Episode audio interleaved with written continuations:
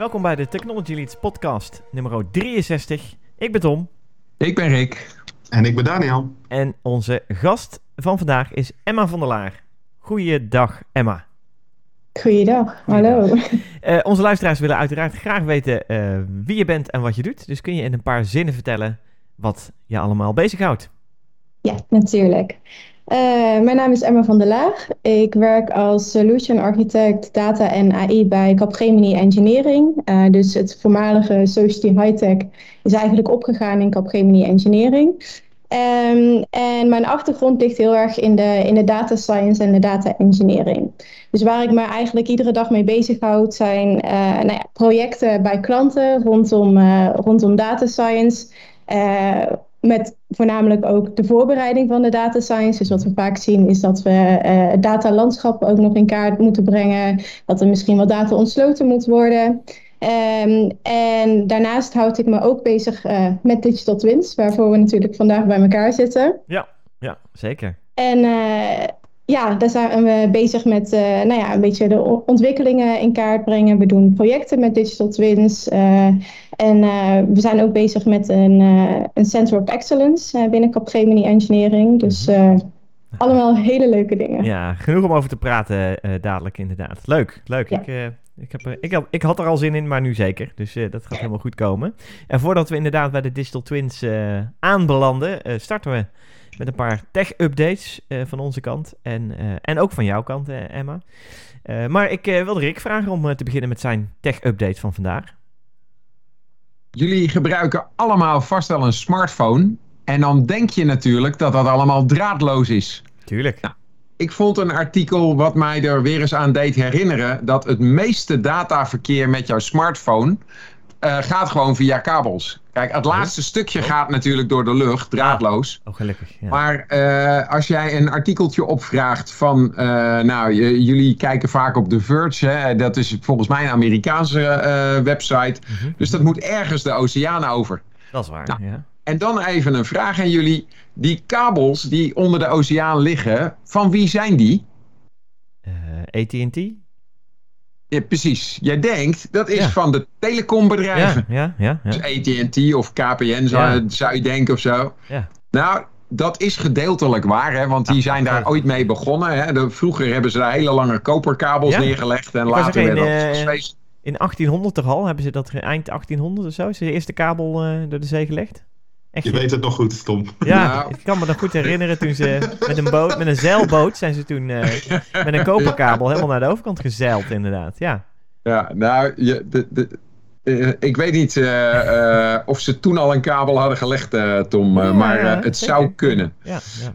In ieder geval, maar de, de aardigheid is dat op dit moment een heleboel nieuwe kabels, die worden gelegd door met name Google en uh, dan moet ik even kijken. De tweede was Facebook, geloof ik. En dan denk je, ja, hoezo dan? Maar ja, uh, Google en Facebook, die transporteren heel veel data. En die denken, ja, uh, om, om ons geld te kunnen blijven verdienen, moet er meer data de oceaan over. Dus hup, kabels aanleggen. Ja. Dus de, de aardigheid is dat tegenwoordig de, de investeringen in al die kabels allemaal van de grote bedrijven komen. En inmiddels zijn ook Microsoft en uh, Amazon uh, aangehaakt. Hè. Microsoft heeft inmiddels drie kabels. Nou, dat is nog niet zo heel veel als je weet dat er ongeveer 400 van die intercontinentale kabels zijn. Ja. Maar dat, dat gaat vast toenemen. En ja, ik, ik, ja, ik dat, kan me dat ook haast niet voorstellen hoe, hoeveel er allemaal door die kabels gaat. Ja. Nou, ik, ik, ik zat net te bedenken. Je zegt, je zegt er komen een paar kabels bij, maar dat moeten wel flinke kabels zijn. Want ik zei net inderdaad, eind 1800 zijn ze begonnen. En dat is ook zo, hè? 1857 en 1866 hebben ze al pogingen gedaan om een uh, telegraafkabel aan te leggen. En ik geloof ja. dat daarna is het, uh, is het ook echt gelukt, zeg maar. Dat ging gewoon met een zeilboot, ging die gewoon de, de hele oceaan over. En dan uh, knoopten ze elke keer het volgende stukje kabel eraan vast. En ja, net zo lang tot ze aan de overkant waren. Dus ja, ja dat, zo moeilijk is het niet. Je, kan je nagaan hoe dat in die tijd moet zijn geweest. Ja. Want dan heb je toch uh, duizend kilometer kabel nodig of zo. Dat, dat past niet op je bootje. Uh, nee, dus, nee, nee, nee, nee. Ik geloof ook dat dat... Het is, wat is het, 3800 kilometer of zo? Transatlantische kabel? Zou zomaar kunnen. Ja, nou, ja. En ik geloof ook dat ze toen ja. met... Ik heb er een heel verhaal over gelezen. Dat ze met een boot en met een zeilboot gingen. En dan inderdaad, de kabel was op een gegeven moment op. Want je kon maar zoveel kilo koper op zo'n boot kwijt. En dan moesten ze gewoon blijven liggen. Met die kabel vast, zeg maar. Totdat er weer een bootje heen en weer was. Om eh, het volgende stuk eh, aan te leveren. En dan gingen ze weer verder. En dat heeft echt maanden geduurd, hè? Om dat helemaal te doen. Ja. Maanden. Ja, Ja, Nou ja, bizar. ik denk dat het tegenwoordig niet heel veel sneller gaat. Hè? Want tegenwoordig hebben ze daar natuurlijk hele mooie high-tech boten voor.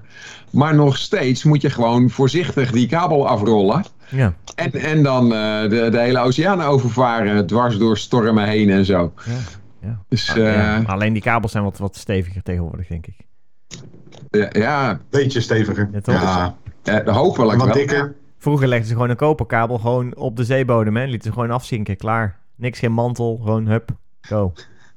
En nu Nou, neem ik ik aan dat we, dat- we het over glasvezel hebben, hè. Glasvezel met... eh Ik denk dat het vroeger niet gewoon on- onbeschermde Ja, ja. koper was, eh, Tom. Jawel. Want Ja, dan, ik dan- heb het, eh, ik dan heb het opgezocht. heel- ja, maar dan heb je toch heel veel elektrisch verlies. Ja?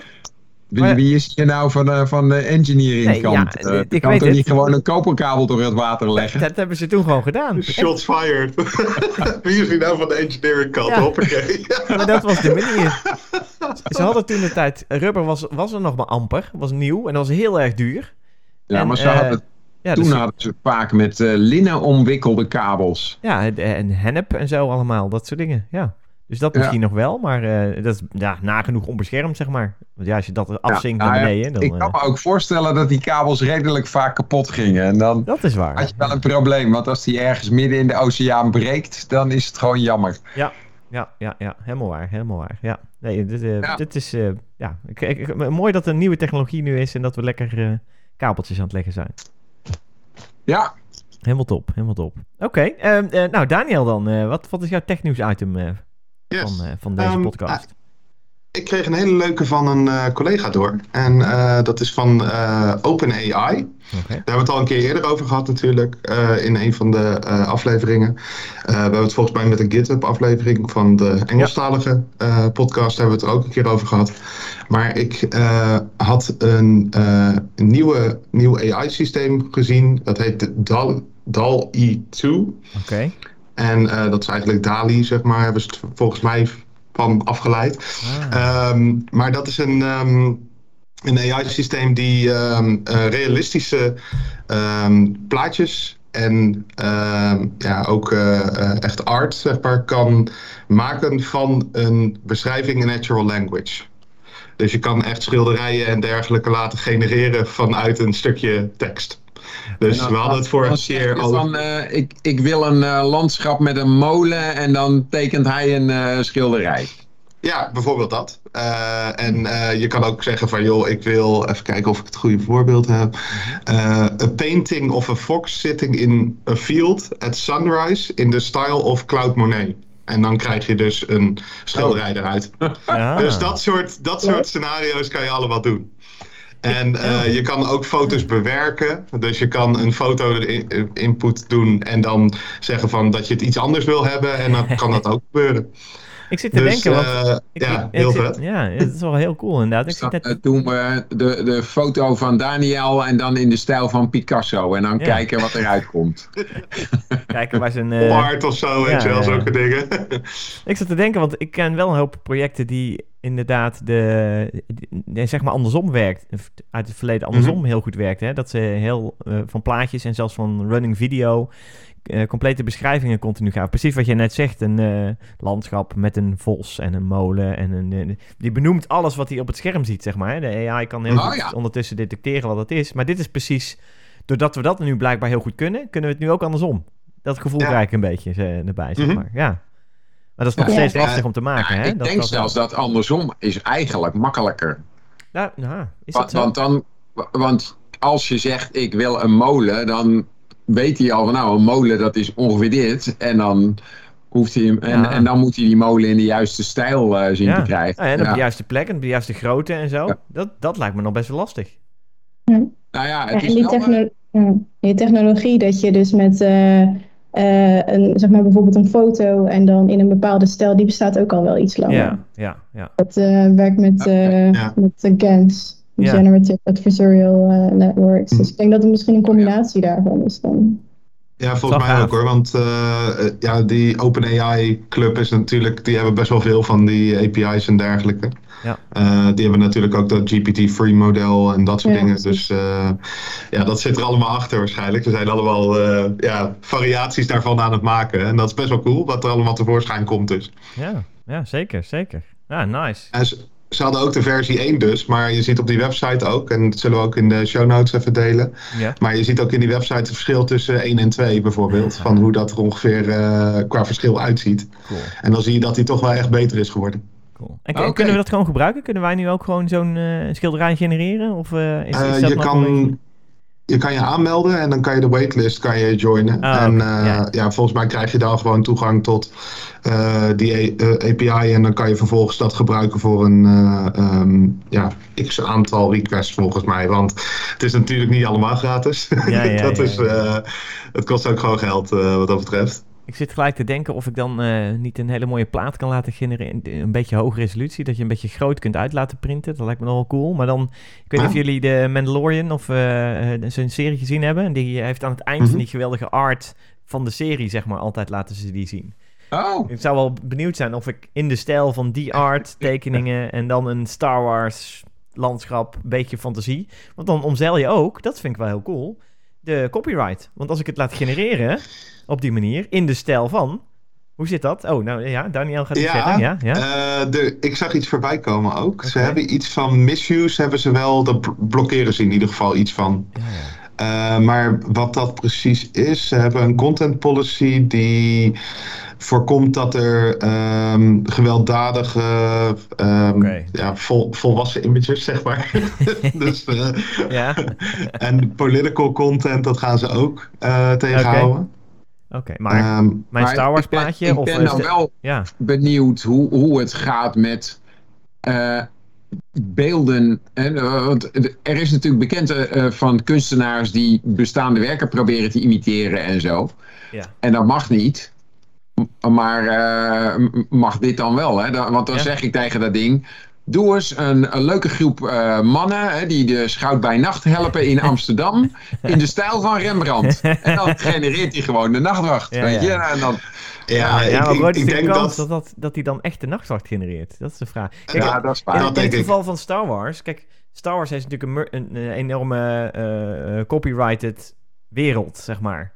Maar op het moment Ja, ja. dat jij iets laat tekenen in de stijl van Star Wars, die wel misschien ook een wereld zou kunnen zijn, maar het niet is, direct, omzeil je dat, dat, dat copyright waarschijnlijk. Zou ik verwachten. Ja. Hè? Maar op het moment dat Rick eh, eh, SpongeBob heel groot laat tekenen voor zijn eh, kleinkinderen, ik noem maar wat, en daar een schilderij, een grote plaat, poster af laten printen, uit laten printen, ja, dan is dat misschien copyright misschien weer weer lastiger. Ja, Dus ja, ja. Nou ja, nou ik, ja. ik ga me aanmelden. Ik ga het, Het ik ga het uitproberen. Ik ben benieuwd. Ik Ja. wil wel eens een, ik Ah, wil eens proberen. Ja, cool. Nou, ik had zelf een eh, tech-item die eh, echt compleet anders is eh, dan, dan deze twee. Eh, en die mooi gaat, zo. eh, en ik eh, even kijken hoe goed jullie eh, relativiteitstheorie eh, kennis eh, nog is. Die, eh, hebben jullie een beetje paraat? Nee, niet? Eh, Ik zie mensen schudden. Nee. Ja. Ehm, er is een hoop eh, toevallig nieuws geweest afgelopen week. Ook op tv heb ik het al langs zien komen. En ik heb een leuk artikel zitten lezen in de Volkskrant erover. En die gaat over de Einstein-telescoop. Niks van gehoord? Wel? Nee. Nee, nee. Nou, wat is de Einstein-telescoop? Die meet zwaartekrachtgolven. Aha. En eh, nou, zit ik denk, ja, fantastisch, hartstikke mooi, kunnen we toch wel. Hè? Want, eh, met, met een beetje interferentiepatroontje en twee lasers kun je, kun je dat al doen. Kun je al hele kleine verstoringen eh, kun je, kun je prima meten. Alleen deze telescoop, deze, ja, het is eigenlijk een detector meer, die kan dat wat beter. Er eh, zijn al jaren geleden zijn al hele mooie telescopen in eh, Amerika gebouwd om dit te doen. En die hebben dan eh, een soort hele lange buis meerdere buizen, meestal twee, minimaal twee. En in die buis zit een laser. En op het moment dat eh, de, er zet spiegeltjes aan het eind. En op die manier kun je het laserlicht bij elkaar brengen. En als je dat vanaf twee kanten doet, dan krijg je een soort interferentiepatroontje. Dan krijg je heel mooi van die donker licht, donker licht, donker licht patroontjes. En op het moment dat een van die twee lasers of allebei heel klein beetje veranderen in lengte, dan verandert het interferentiepatroontje. En die verandering kun je dus, dat is gewoon zicht, bijna zichtbaar met het menselijke oog. En als je daar een paar detectoren op zet, nou, dan kun je het prima, prima meten.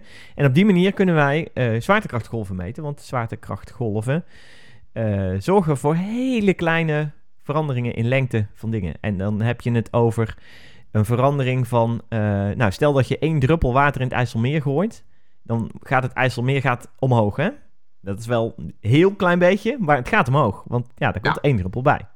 Nou, die orde grootte kunnen ze ook kunnen ze nu al wel meten, zeg maar. Die, eh, die orde grootte van eh, veranderingen, zeg maar.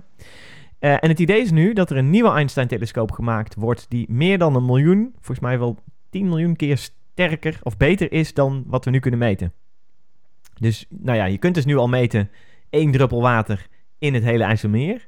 En straks kunnen we nog, nog een miljoen keer gedetailleerder meten dan dat. Dus dat is is bijna niet meer voor te stellen, hè? één druppel water in de oceaan of zo. eh. Ja, op aarde. Nou, meer, ja, ja, zoiets. Die orde grootte. Ja. Ja. Ja, Oké. En Ik- eh, ik- ja, dat, dat, dat, kunnen we, dat, dat is dus het idee om dat te gaan maken. Eh, in ons land, in Nederland, in Limburg, wel te verstaan. Kijk en eh, het, dat ding moet eh, 250 meter, 200, 250 meter ongeveer onder de grond komen. Want je kan je voorstellen dat elke trilling gewoon hier op, hierboven, Ja. boven aarde, op de aardbol zeg maar, dat dat al verstoring geeft. Dat als er een vrachtwagen... Een vrachtwagen, ja. Ja, nou ja, dat, dat voorbeeld wordt continu aangehaald. Als er een vrachtwagen voorbij rijdt, dan heb je die trillingen en dat is niet fijn.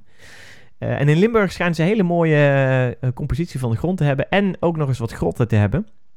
Ehm, eh, de- ze hebben een blijkbaar hele zachte toplaag en daaronder, eh, van ongeveer 200 meter, en daaronder zit een hele harde laag, waarin ze dan tunnels hebben, waarin ze eh, willen maken, waarin die detector moet komen. En er moeten tunnels, twee tunnels van 10 kilometer komen.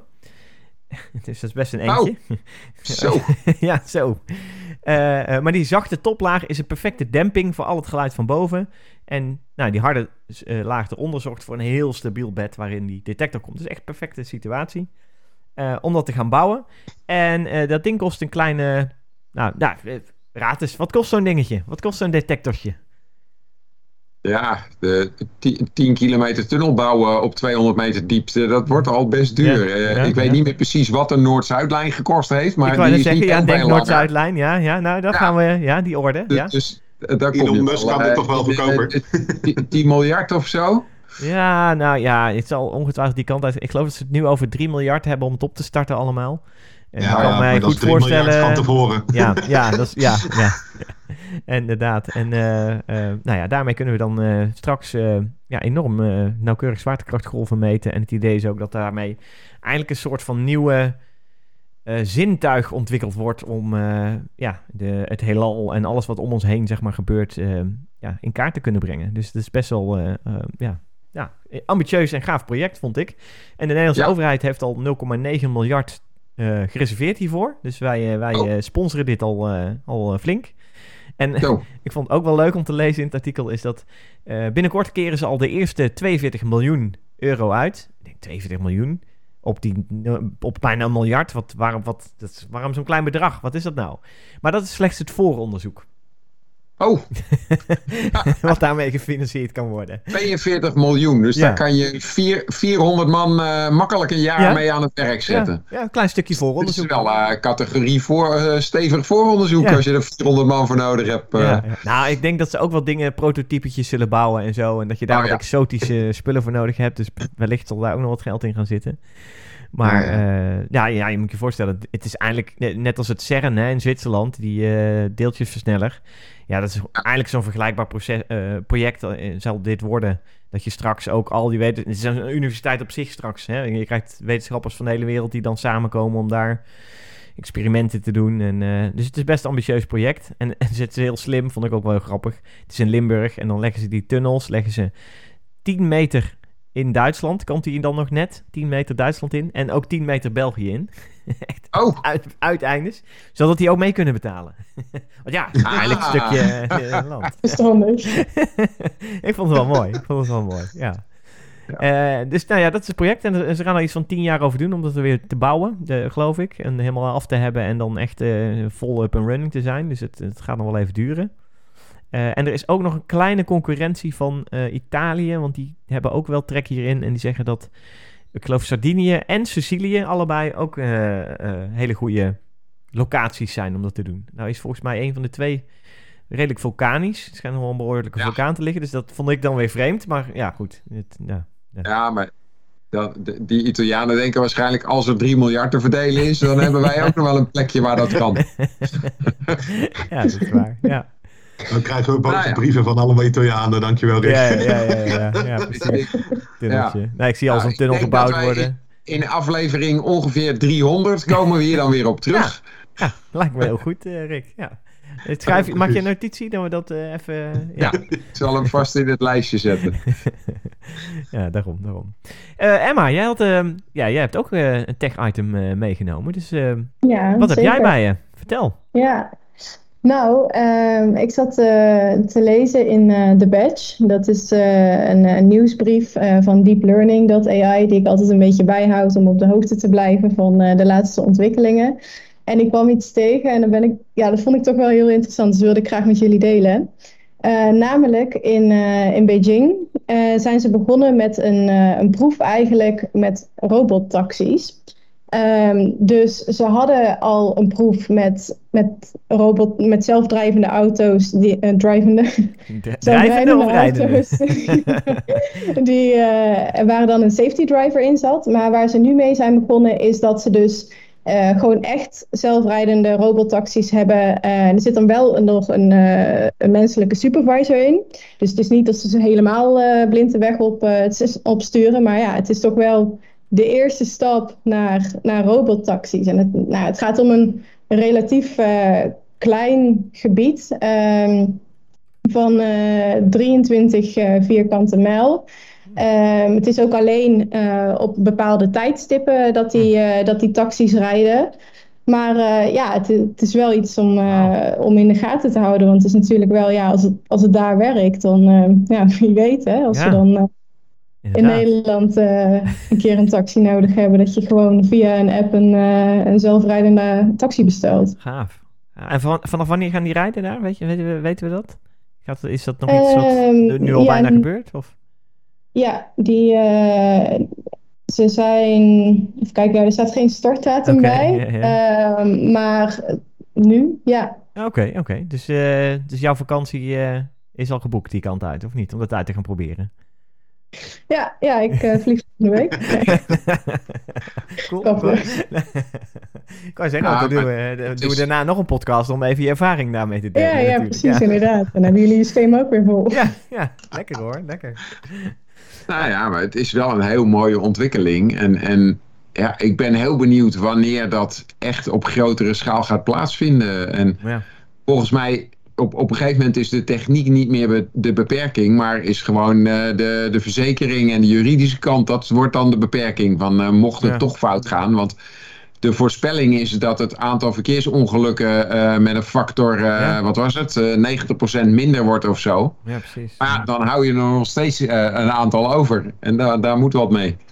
Ja, maar ik kan, me, ik kan me dus voorstellen dat de verzekering alleen maar omlaag gaat, alleen maar goedkoper wordt. Daarmee. Nou, de, de premie is het probleem niet, maar Nee, degene die eh, moet betalen. Hè, de- dat, als jij naar de verzekeringsmaatschappij gaat en je zegt van nou, ik, ik, hè, ja, de- wie moet dat dan verzekeren en wie is aansprakelijk als het misgaat? eh? Oh, dat bedoel je. Ja, ja, ja. Nou, ik wou zeggen, want volgens mij zijn er al best wel verzekeraars aan het experimenteren om dit soort objecten eh, te verzekeren, zeg maar, in dit soort situaties. Om gewoon ook ervaring op te doen met hoe moet dit straks werken. Eh, ja, volgens mij zelfs in Nederland zijn er eh, Ja, grote verzekeraars dit gewoon kan- aan het doen. En, ja, Ja, want ik kan me voorstellen dat het, het verzekeren van het object nog niet eens het grootste probleem is. Want Nee. dan kijk je gewoon van nou, hij maakt ongeveer zo vaak eh, een aanrijding Ja. en dan heeft hij zoveel schade. Dus Exact. dat, is, dat kost dan zoveel aan premie. ja.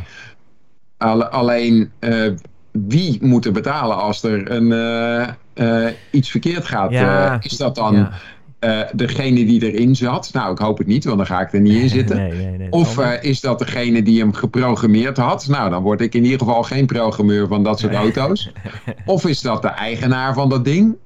Eh, ja, wie is dat dan? Of de fabrikant? Of nou ja, dat, dat Ja. soort gedoe, dat ga je natuurlijk wel krijgen. Ja, Maar nee, waar ja, lag het dan ja. aan? Hè? Want, want eh, eh, hè, dan krijg je iets van eh, laagstaande zon. En dan als, als Ja. mensen ergens tegenaan rijden door laagstaande zon, dan zeggen we ja, vervelend, hè? want ja, er was laagstaande zon, dus ik zag het even niet. En als, als dan zo'n zelfrijdende auto, dan zeggen ze ja, maar hoezo laagstaande zon? Je hebt toch ook nog radar en weet ik veel, en daar heb je toch er geen last van.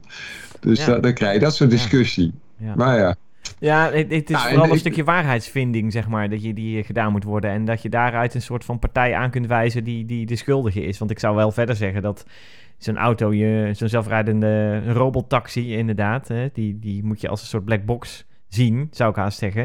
En op het moment dat je kunt zeggen, oké, de black box is de veroorzaker, even los van of het nou komt voor een, een programmeerfout of een uh, wat ook, maar die is de veroorzaker of de tegenpartij ja, dan, dan weet je wie er moet betalen, zeg maar. En, en de, ja, net als bij een, een, een, een, huidige taxi. Het, kijk, de, de bestuurder van die taxi zal het ook niet betalen. Maar het zal de verzekering van de taxibedrijf zijn die je uh, bij een ongeluk betaalt. Dus ja, zou dat zoveel anders worden, denk je? Ja, ik, ik denk met name dat als die die zelfrijdende auto zelf een ongeluk veroorzaakt, dat je dan een enorm juridisch steekspel krijgt, ja. uh, wie zijn schuld dat dan is. Maar misschien is het dan ook aan de verzekeraars om daar anders mee om te gaan. Dat ze gewoon zeggen, ja oké, okay, wij zien dat het uh, percentage van ongelukken zoveel lager is, dus die premie kan omlaag. En we keren gewoon uit als er een ongeluk gebeurd is. Want het, er, is gewoon veel minder, er zijn veel minder ongelukken. Dus dat is, dat is alleen maar, ja, ja waarom zou je daar nou moeilijk over doen? Misschien, misschien is dit wel een reden dat er in Peking mee begonnen wordt. Want in, in, een land als China kun je oh, ja. dit soort dingen iets makkelijker regelen. Hè? Dan, uh, dan zegt er gewoon iemand uh, in de regering zegt, uh, we lossen het zo op, klaar. En, ja. Ja. Nou ja, alles is toch van de staat? Ja, daarom. Dus het, de staat betaalt altijd, linksom of rechtsom. En, en uh, Emma, weet je ook nog wat voor auto's ze daarvoor gebruiken? Is dat dan een oh, eigen ontwerp uit China of hebben ze gewoon Tesla's omgebouwd of zo? Nee, er staan geen merken bij, maar het is wel van um, Alibaba. Een uh, bedrijf. Weibo. Die heet Pony.ai. Uh, en die ontwikkelen ze, okay. volgens mij. Maar de type auto's, dat staat er niet tussen. Ah, okay. Ponies dus... Dat gaan ja, we dan uh, nog ja. in de gaten houden. Paard. Ja, ik wou zeggen, weet je zeker dat robottaxis zijn? Robotpaarden. Robotpaarden kan ook, ja, hè? ja. Dat lijkt me ook wel heel cool, dat je gewoon... Robotpaard en wagen, dat is helemaal mooi. Ja, ja, dat zou ook leuk zijn. Fantastisch, ja. Ja, oh, ja inderdaad, ja. Geniaal. Ja. Nou, ik zie ze nog vooraan. Dan, dan wordt het echt een toeristenattractie als je dat gaat doen. Tourist ride, cool. Ja. Nou ja, laten we maar eens naar het hoofdonderwerp gaan. Goed idee. Ja, goed idee. Goed idee, inderdaad. Ja. ja, we hadden het er net al. Uh, je had het in je introductie al uitgebreid over, Emma. Uh, je houdt je onder andere bezig met digital twins. Uh, ja. Tussen alle data-perikelen. En ja, volgens mij is dadelijk de link tussen data en digital twins natuurlijk wel. Ja, te leggen zou ik niet, is, is, is eigenlijk al een understatement. Want het is natuurlijk. Het is één, één ding, zeg maar. Kun je eens uh, uit de doeken doen hoe dat uh, nou, data en digital twins ja, misschien wel hetzelfde zijn? Of, of de, de, de connectie tussen die twee begrippen, uh, hoe, hoe dat die is? Ja, nou ja, wat je inderdaad, uh, wat je inderdaad zegt, Tom, van uh, ja, de connectie. Het is, data is eigenlijk een, een onderdeel van digital twin. -hmm. Tenminste, um, dat is uh, hoe dat wij het zien. wat je binnen de wereld van digital twin wel ziet, is dat er ontzettend veel verschillende interpretaties zijn. Het is een heel erg breed begrip. je ziet ook vaak dat, dat het voor mensen lastig is, of voor bedrijven, van, om te begrijpen van ja, wat, wat is het nou precies eigenlijk? Hè? Van, en wat, vooral ook wat kan ik ermee? Wat zou de meerwaarde kunnen zijn binnen mijn bedrijf? Maar een, een, belangrijk onderdeel van, van digital twin is data. En als we kijken naar ja, hoe kunnen we dan een digital twin definiëren, ehm, dan zien we eigenlijk grofweg twee assen. En de ene as die we onderscheiden is de, de lifecycle. En dat kan de lifecycle zijn van een asset of van een product of van een compleet systeem. Uh, daarin is een, een, digital twin ook vrij breed. Het kan over heel veel verschillende uh, concepten gaan. Dus je kunt een digital twin hebben van een, machine, maar ook van een volledige fabriek. Um, en een andere as die we onderscheiden is, uh, is de data-as eigenlijk. En um, de verschillende nou, subtopics die we daarin zien, is dat je eigenlijk um, het op een ja, soort van schaal kunt plaatsen. Uh, en dan begint het met uh, wat we noemen digitized. En uh, onder digitized verstaan we dan eigenlijk ja, de, de ruwe data tussen aanhalingstekens uit nou ja, bijvoorbeeld een, een machine, de sensordata, IoT-data. Ja. Um, niet volledig ruw. Er is natuurlijk altijd een soort van, in ieder geval iets van processing ja, heeft er plaatsgevonden. Ja, niet, maar in ieder ja. geval Je hebt, niet Ja. het, eh, je hebt het niet over eh, millivolts en, eh, of alleen maar digitale eentjes en nulletjes. Het is al een vertaalslag naar een precies, er temperatuur ja. of een, een, een, ja, een fysieke Ja. waarde die je Ja, ja maar, maar los van dat er inderdaad wel dat het interpreteerbaar is, zo zouden we het moeten zeggen, ehm, is er verder eh, niet heel erg veel intelligentie op uitgevoerd. Het is gewoon een, een representatie van, oké, ja, wat, wat gebeurt er op dit moment eigenlijk? Hè? Wat, wat gebeurt er in die machine? Precies. Eh, een andere variant, eh, contextualized. daarin onderscheiden we eigenlijk de context. Wat je ook ziet is dat, dat sommige ehm, bedrijven die, die focussen zich niet zozeer op directe representatie van die, van die sensordata, eh, maar die zijn eigenlijk vooral geïnteresseerd in, in de context. En eh, nou ja, daar kun je bijvoorbeeld eh, andere databronnen bij betrekken om die in kaart te brengen. Zoals bijvoorbeeld nou ja, SAP-data of data Ah, uit een MES-systeem. Ehm, en wat daar gebeurt is dat je eigenlijk eh, nou ja, bijvoorbeeld een asset hebt. En, en dat je gaat mappen van oké, van, van hoe is dat asset opgebouwd en, en wa- wat zijn de verschillende onderdelen. En op basis van verschillende databronnen die je dan bij elkaar gaat brengen, vaak met behulp van eh linked data technieken, ehm, eh, eh, ga je dan eigenlijk ja, de, de context in kaart brengen.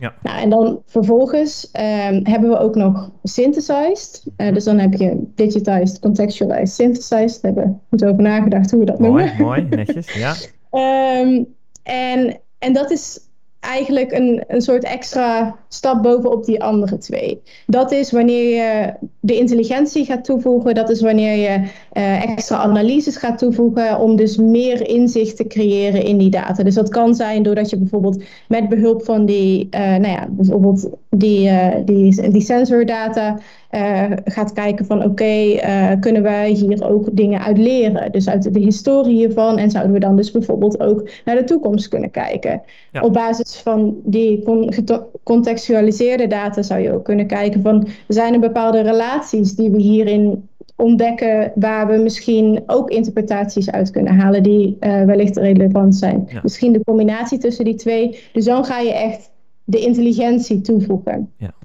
En als je dan dus naar die, die twee assen kijkt, Mhm. eh, dan kun je dus ook, eh, als je bijvoorbeeld eh, hè, naar een bepaalde use case kijkt, kun je ook kijken van oké, ja, maar waar bevindt die zich dan? Dus nou ja, waar in de lifecycle zitten we? Waar, hè, wat willen jullie er precies mee doen? Is het iets wat nog gebouwd moet worden? Is het iets wat misschien al ehm, eh, bestaat, maar wat je wil, wil monitoren? Ehm, wat voor type data heb je? Nou ja, en op basis daarvan kun je heel makkelijk plaatsen van oké, ja, hè, wat, wat, wat, wat zijn de use cases, wat zijn de functionaliteiten, maar ook wat zijn eventuele andere eh, mogelijkheden van een digital twin? Wat kunnen we nog meer ontwikkelen? Dus ja, data is eigenlijk eh, nou ja, zo'n beetje de core van eh, een digital twin, Ja. hoe wij het doen. Ah, nou, een heldere uitleg. Mooi, de twee assen inderdaad. Ik zit gelijk even te denken van kunnen we dit ook dan nog even praktisch maken in een soort van voorbeeld. We hadden het net over de, de pony eh, eh, robotauto's. Of eh, nou, laat, laten we het heel, helemaal abstract houden en inderdaad robotpaarden van maken. Die, die mensen rond, rondrijden autonoom door, door een fictieve stad in, in het, in het Midden-Oosten. Om het niet helemaal in, eh, in, in, de- in het nieuwsitem ter- terug te laten komen, maar toch eh, Ja. een beetje eraan linken. Eh, hoe, hoe kunnen we daar al de, de- ja, de twee assen zeg maar, voor, de, voor de robotpony zeg maar, toepassen? in terug laten komen. Ja, ja, ja. Leuk. Ja. Ehm, nou ja, als we dan de, de robot pony als een, als een asset zien of als Ja. een product, Precies, ja. Eh, dan heb je natuurlijk verschillende fasen van die, eh, van die pony. Die, eh, Juist, ja. ja, hij, hij moet ooit, hij is er niet zomaar. Nee, hij moet ooit, ja, hij moet Ja. ooit bedacht worden en ontworpen worden. Dus dan zit je natuurlijk in het begin van de lifecycle, Mhm. eh, dus in de, in de designfase. en wat we vaak zien in die design-beeldfase, die, die eerste fase van de ontwikkeling van zo'n product, ehm, is nou ja, iets wat wij bestempelen als de engineering digital twin. Dus de engineering digital twin die helpt jou met het uh, engineeren van uh, dit bepaalde product. En dat is op basis van, uh, nou ja, onder andere bijvoorbeeld de requirements die je hebt. Um, en dan de type data wat daar ook vaak bij gebruikt wordt, um, is gesimuleerde data. Mm, dus nou, als we dan beginnen met die pony, dan ja. um, als we daar een digital twin van zouden willen maken, dan zouden we dus beginnen met een uh, engineering digital twin, helemaal aan het begin van de lifecycle. Ja. Um, en met behulp van uh, de requirements. En dan moet ik even een extra concept uh, ja, introduceren, ja. die ik net niet heb uitgelegd meteen. Ja, heel goed, ik wil niet meteen alles weggeven natuurlijk. hè. heel goed, heel goed. Um, uh, dat is namelijk de ontologie. En de ontologie is eigenlijk een, een conceptueel schema. En dat, dat is eigenlijk de, de core uh, van, van heel veel digital twins, waarin je dus op conceptueel niveau ja, eigenlijk een soort van, van mapping hebt hoe, hoe de verschillende entiteiten zich tot elkaar verhouden. Het, klinkt heel abstract, het is ook vrij abstract, dat is ook de bedoeling. Um, maar dat is dan ook de basis. Dus op basis van die ontologie en, een, kun je een soort van gesimuleerd model maken Um, wat dus nou ja, eigenlijk bijvoorbeeld de, de context geeft. Uh, en daarin kun je dus um, nou ja, je, je ontwikkeling uh, gaan opzetten. Dus van, nou, je hebt die context. Uh, eventueel genereer je misschien ook um, nou ja, bepaalde sensordata, zodat je verschillende scenario's zou kunnen sim ja, simuleren om, de, het, uiteindelijk, om het model te verfijnen. En zo kun je met die engineering digital twin eigenlijk door naar de volgende fase in, uh, in de lifecycle, uh, naar het, het, bouwen en het, het monitoren van, uh, van de bouwfase. Nou ja, tot het moment dat je natuurlijk meerdere ponies door de Sahara hebt lopen. Ja. En het eigenlijk een kwestie wordt van, nou ja, het, het, het, monitoren ervan Precies. en misschien het, het verder doorontwikkelen. Dus, dus in het geval van onze robotponies die door de Sahara lopen, dan in het begin uh, in, in, uh, in, de engineeringfase uh, zijn, we, zijn we druk bezig om een soort model van de Sahara te maken met alle virtuele data die we kunnen bedenken daar. Qua temperatuur, korreltjes, zand, oppervlaktes, noem het maar op. gekker. ja. en, nou, en, ja, maar, want waar ik aan zit te denken, Emma, is yeah. je gebruikt die digital twin in de ontwikkelfase om je te helpen te bepalen wat je precies wil maken. En in de beheerfase om in de gaten te houden van wat gebeurt er met die echte ponies. En uh, kunnen we voorspellen dat bijvoorbeeld binnenkort die pony versleten is of hè, er is een zandstorm geweest en wat geeft dat voor effect op die ponies? Precies. En, ja, uh, de, volgende generatie van ponies dan beter bestand nou ja, zijn tegen... ook de actuele ponies, hè? dat je die oh, rond hebt lopen en dat je denkt van we hebben maar eens in de maand hebben we een service moment, maar we hebben nu een zandstorm gehad, hebben we nu meer service nodig. En, en misschien moet je wel allemaal een soort sokken meenemen voor die poten van die ponies, om uh, ze de volgende keer te beschermen tegen zand. Dat zou kunnen, toch? Ja, dat, dan is er in de designfase al wat misgegaan. Ja, ja, ja, ja, maar daar kun je dan achterkomen natuurlijk. Hè? Dat, uh, ja. ja. weet ik wat. Dat, ja, uh... nee, maar ja, nou ja, dat is natuurlijk wel het idee. Hè? Van, uh, zodra je in, in de operate en maintain fase zit van, mm -hmm. van de lifecycle, dan heb je natuurlijk, ja, je bent die data aan het verzamelen uit, uit, de, hè, uit die, dat eerste blok, dus die, die sensordata. Je slaat een bepaalde historie op en met die historie is het natuurlijk mogelijk nou, om bijvoorbeeld uh, eh, AI-modellen uh, eh, te ontwikkelen die, uh, nou ja, inderdaad, predictive maintenance. Dus mm-hmm. stel je voor, ehm, ja, zijn er is een bepaalde regelmaat aan onderhoud die we op die ponies moeten doen? Of nou ja, wat mm-hmm. als er inderdaad een keer een zandstorm ja. plaatsvindt? Ja.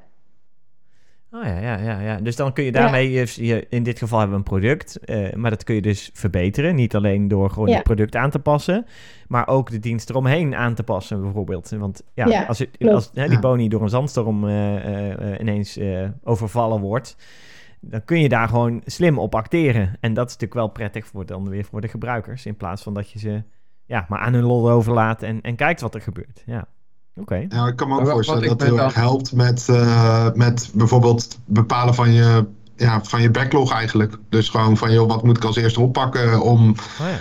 eh, te verbeteren of whatever. Dat, eh, dat, dat zal in het begin al zijn. Als je begint met, het, eh, eh, met de eerste fase, zeg maar, in je ontwikkelfase. Kan het zomaar betekenen dat je inzichten krijgt die in één keer ervoor zorgen dat je iets anders eerst moet gaan doen. Omdat dat eh, eigenlijk iets is wat, wat je in die modellen al ziet dat het fout gaat, zeg maar. Ja, ja, ja, precies inderdaad. En, en daar is dan ook, eh, daar zie je dan dus ook de- meteen de meerwaarde van een, van een digital twin. Dus dat je Mhm. eh, eigenlijk een, een soort van, ja, een, letterlijk een digitale tweeling hebt, waarin je dus je engineeringproces eh, daarmee kunt verbeteren. Ik ben ook Maar nog wat wel benieuwd. dan ook Oh, ja, afvraag, Rick, ja. Emma, is heb je één digital twin of heb je eigenlijk een samenspel van meerdere digital twins? Want eh, je, je hebt vaak in, in een constructie, hè, en, en dan is zo'n pony nog relatief makkelijk, maar ik heb Tom wel eens horen roepen van een digital twin van een olieplatform. En dan denk ik, ja, een olieplatform, dat is een mega complexe, Ja. hè, daar, daar heb je van allerlei dingen op. Dus heb je dan één digital twin of heb je er een aantal voor allerlei onderdelen? En, en heb je dan weer een digital twin van de digital twins of zoiets? Ja, ja, precies. Zeg maar, waar stopt het? En eh, hoe definiëren we het precies? Nou ja, hele goede vraag. Ehm, ik denk dat. ehm, ik heb ook wel eens het concept digital twinning gehoord. Gewoon eigenlijk als werkwoord van een, een, een digitale tweeling maken eh, als, als hulpmiddel. Van, nou, bijvoorbeeld voor je engineeringproces, voor je maintenanceproces. Ehm, ja, voor, voor, je, voor je dagelijkse bezigheden. Ehm, ik zie persoonlijk wel een, een verschil tussen een, een digital twin en bijvoorbeeld een, een virtueel eh, model. Een digital twin vind ik echt het, het ingevulde virtuele model, om het zo maar even te, te benoemen. Het is wel namelijk, eh, een digital twin is wel een kopie van echt eh, iets in de, in de fysieke wereld waar je in principe een, een feedback loop tussen kunt hebben. Dus in het eh, voorbeeld wat, wat jij beschrijft van nou ja, een, een olieplatform, nou ja, zolang we dat echt als één entiteit zien, heb je misschien inderdaad één digital twin. Je zou het ook kunnen zien van je hebt binnen dat olieplatform, nou ik ben niet zo eh, heel bekend in eh, de olieplatformindustrie, eh, dus ik weet niet precies wat voor componenten daarin zitten, maar laten we er even van uitgaan dat ze bepaalde componenten hebben die vaker terugkomen.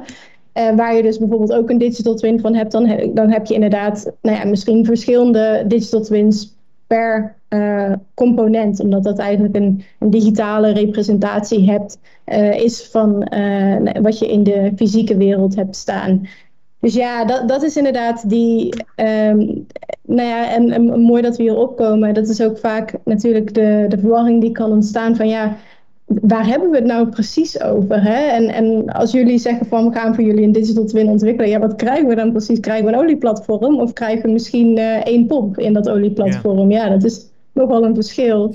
Ehm, en het is ook belangrijk natuurlijk als eh, bedrijf om, om dat voor jezelf helder te hebben van, ja, maar wat is nu eigenlijk precies de use case? Wat is het probleem dat we proberen op te lossen? En dat is ook wat wij in projecten eh, vaak doen. Daar beginnen we mee van, goh, oké, ehm, wat, is, wat is het probleem? Eh, wat, eh, wat zijn de requirements? Wat, wat proberen jullie echt op te lossen? En vanuit daaruit ga je kijken, oké, wat heb je dan nodig? Dus waar in die lifecycle zit je? Wat voor data heb je beschikbaar? En wat kunnen we dan leveren dat inderdaad eh, dat probleem oplost? Ik, ik zat net, want ik vond inderdaad boor, boorplatforms wel een mooi voorbeeld inderdaad. En wat jij net zei, Emma, dat het soms lastig is om te zeggen, moet je nou het hele platform nemen als digital twin of een subonderdelen.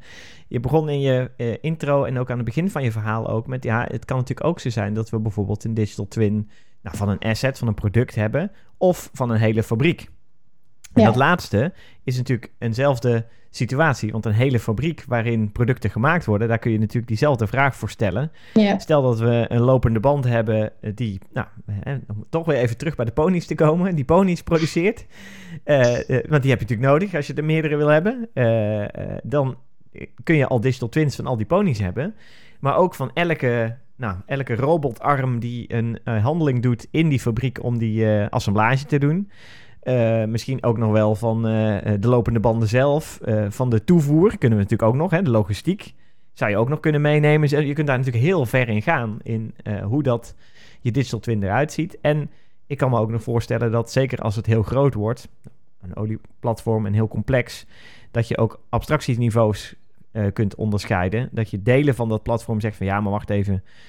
Ik wil wel dat het een, een uh, reële afspiegeling is van de werkelijkheid, maar hier gaan we zo gedetailleerd in de uh, temperatuurverdeling van een pijpleiding door dat hele platform heen. Ja, dat, dat is onzin. We zeggen gewoon dat die hele pijp is 20 graden. Dat is veel makkelijker voor, voor, de, voor deze digital twin en wat we ermee willen doen. dan dat nodig is. En dan kom je weer bij de use case uit van ja, wat wil je nou bereiken? Wil ik nou de complete temperatuurhuishouding van één pijp door die hele, dat hele platform uh, optimaliseren? Wil ik het de fabriek optimaliseren? Zou ook een hele mooie use case zijn. Uh, uh, ik kan me voorstellen dat er heel veel van dat soort use cases zijn om, om een keuze te maken hoe je Digital Twin inricht. Ja, ja en, en dat is natuurlijk, nou ja, dat is een, niet alleen Digital Twin project. Ik denk dat dat in ons werk altijd belangrijk is om in de gaten te houden van oké, wat, proberen we nu eigenlijk mhm. echt op te lossen? Hè? Waar zit de vraag? Je krijgt, jullie zullen het zelf natuurlijk ook wel eens uh, ervaren hebben dat je een bepaalde vraag krijgt en dat je dan door gaat prikken en dat je er dan op een gegeven moment komt van ah, oké, nee, je hebt geen AI-model nodig, je wil eigenlijk gewoon een dashboard. Ja. Nou ja, dat, dat is natuurlijk bij, uh, bij digital twins ook van inderdaad een, hè, een bedrijf kan denken van oh, laten we een digital twin uh, opzetten om nou inderdaad die de hele fabriek te gaan optimaliseren. En als je dan doorvraagt, dan blijkt bijvoorbeeld van, oh oké, ja, in, in dit bepaalde onderdeel van de fabriek, daar hebben we vaak problemen. Uh, dus daar willen we wat meer inzicht in. Nou ja, dan is het natuurlijk altijd slim om daar eerst te beginnen voordat je meteen de hele fabriek uh, digitaliseert. Ja. Ja. ja. en ik denk dat dat ook een heel belangrijke boodschap is met digital twins. Hè, van begin relatief klein en, en kijk naar dingen die je echt helpen. Want voor je het weet ben je inderdaad een compleet boorplatform aan het modelleren. En dan ben je eerst vijf jaar bezig. En dan kom je erachter dat een dashboardje ook wel had gekund. Ja, ja. dat is toch zonde. Ja, ja. ja. ik, ik, zit, ik zit ook wel af te vragen met hoe, hoe meet je nou eigenlijk succes voor zo'n digital twin? Want dat heeft natuurlijk on, ja, het kan ontzettend veel succes hebben op heel veel verschillende vlakken. Uh, als in van, joh, je kan uh, zorgen dat je juist met de, wat we eerder al zeiden, dat je uh, de juiste dingen als eerste oppakt en daardoor meer succes hebt met je product. Maar ook bijvoorbeeld als we het hebben over dat maintenance bijvoorbeeld, dat die dan eerder, ja, dat je gaat onderhoud gaat toepassen en dat daardoor bijvoorbeeld je producten langer leven en dat je klanttevredenheid daardoor omhoog gaat bijvoorbeeld. Maar dat soort dingen lijkt me echt super lastig om dat allemaal te koppelen aan digital twin, zeg maar. Van hoe, hoe meet je nou dat dat um, door die digital twin komt? En ik denk dat het ook wel een heel groot gedeelte van je succes bepaalt eigenlijk. Als je het kan bewijzen van, hé, hey, uh, dit komt allemaal door die digital twin natuurlijk. Uh, maar zijn jullie daar ook al mee bezig met, met echt van hoe je dat dan ja, met 0 en 1 metingen en dergelijke, dat je zulke uh, dingen ook echt kan laten zien? Van dat het ja, als bewijs komt? Nou ja, kijk, wat we eigenlijk zien en wat je eigenlijk zelf al aangeeft, van, hm. dat is ook heel erg use case afhankelijk. Uh, dus uh, afhankelijk van nou ja, wat, wat het doel is van die digital twin. Kijk, als je die bijvoorbeeld de engineering digital twin, dat is een digital twin om dus het engineeringproces te ondersteunen. Um, daarin is het natuurlijk meer gericht op um, de, het uiteindelijke product dat er staat. Dus de, de, de, kosten, om zo maar te zeggen, die je bespaard hebt in het engineeringproces, omdat je dus een, uh, een, een, digitale tweeling had staan. En waarmee je dus hebt voorkomen dat je nou ja, bijvoorbeeld uh, uh, bepaalde dure producten Um, dat je software hebt moeten testen, bijvoorbeeld op, op bestaande machines, uh, maar dat je dat hebt kunnen doen op een, op een digital twin, zodat je nou, downtime voorkomt, uh, bepaalde, um, ja, dat, dat die niet kapot gaat of zo. Um, maar ja, dat is natuurlijk specifiek voor die use case. Het kan natuurlijk ook zo zijn als jij een, een operate en maintain digital twin hebt. Nou ja, bijvoorbeeld die maintenance use case inderdaad. Dan ga je kijken naar, oké, um, nou ja, misschien ook wel percentage uh, downtime uh, dat daardoor is uh, voorkomen. Kun je inderdaad een nulmeting daarop doen en dan daar vervolgens een, een nameting op doen. Dus ja, één, één measurement voor digital twin, eh, nee, die kan ik je Nee, niet geven. maar eh, ja, wederom eh, hier ook belangrijk om in de gaten te houden. Wat is nou echt de use case waar we het over hebben? Waar liggen de problemen? En inderdaad, leg dat ook van tevoren vast. Heel belangrijk, ga niet meteen over op, oké, we willen een digital twin, leuk, innova- innovatief, het gaat ons helpen, leuk verhaal binnen het bedrijf. Nee, want dan gaat op een gegeven moment de vraag terugkomen: oké, jullie hebben het nu en wat, wat heeft het ons opgeleverd? Die je dan dus vervolgens niet kunt beantwoorden. Dus begin met de use case, wat misschien niet het meest sexy aspect eraan is. eh, maar definieer wel: oké, ja, wat, wat willen we ermee bereiken? Hè? Wat, wat zijn de problemen die we gaan oplossen? En dan kun je inderdaad een voor- en een nameting doen en inderdaad eh, het, eh, het, su- het succes meten. Ja. Cool. Gaaf. Leuk, leuk. Nou, in, in- eh, ook hier eh, is het weer eh, eh, in deze podcast zo dat we gigantisch hard door de tijd heen gaan.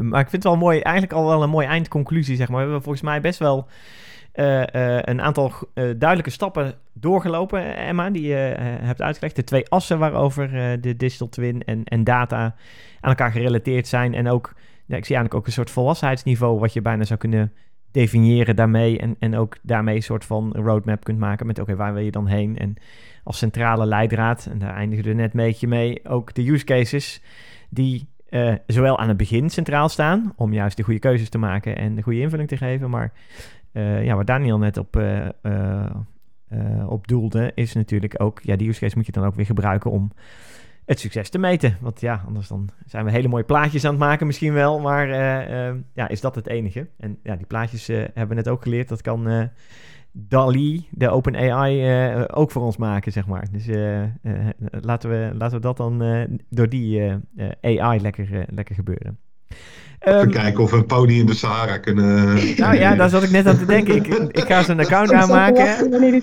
Ja, ja, ja. En ik ga een, een pony in de desert laten eh, ontwikkelen in de stijl van eh, tekeningen van Star Wars of zo. Kijken wat daaruit komt. Ik ben heel erg benieuwd. eh. Misschien krijgen we wel van die, van die ad-ads, warwalkers of zo uit dingen. Wie weet, wie weet.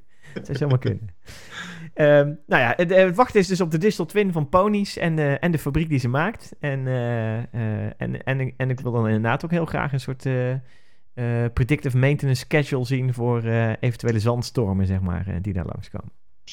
Nou, dan is hij helemaal rond. Dus. Ja, zeker, zeker. Ehm, Emma, ik wil je hartelijk, eh, eh, hartelijk bedanken voor je, voor je bijdrage en voor je verhaal, vooral. Ja, jullie bedankt voor de uitnodiging. Graag gedaan, graag Ja. gedaan. Ja, leuk. Eh, luisteraars, bedankt voor het luisteren. En eh, tot de volgende podcast. Tot de volgende. Tot de volgende keer.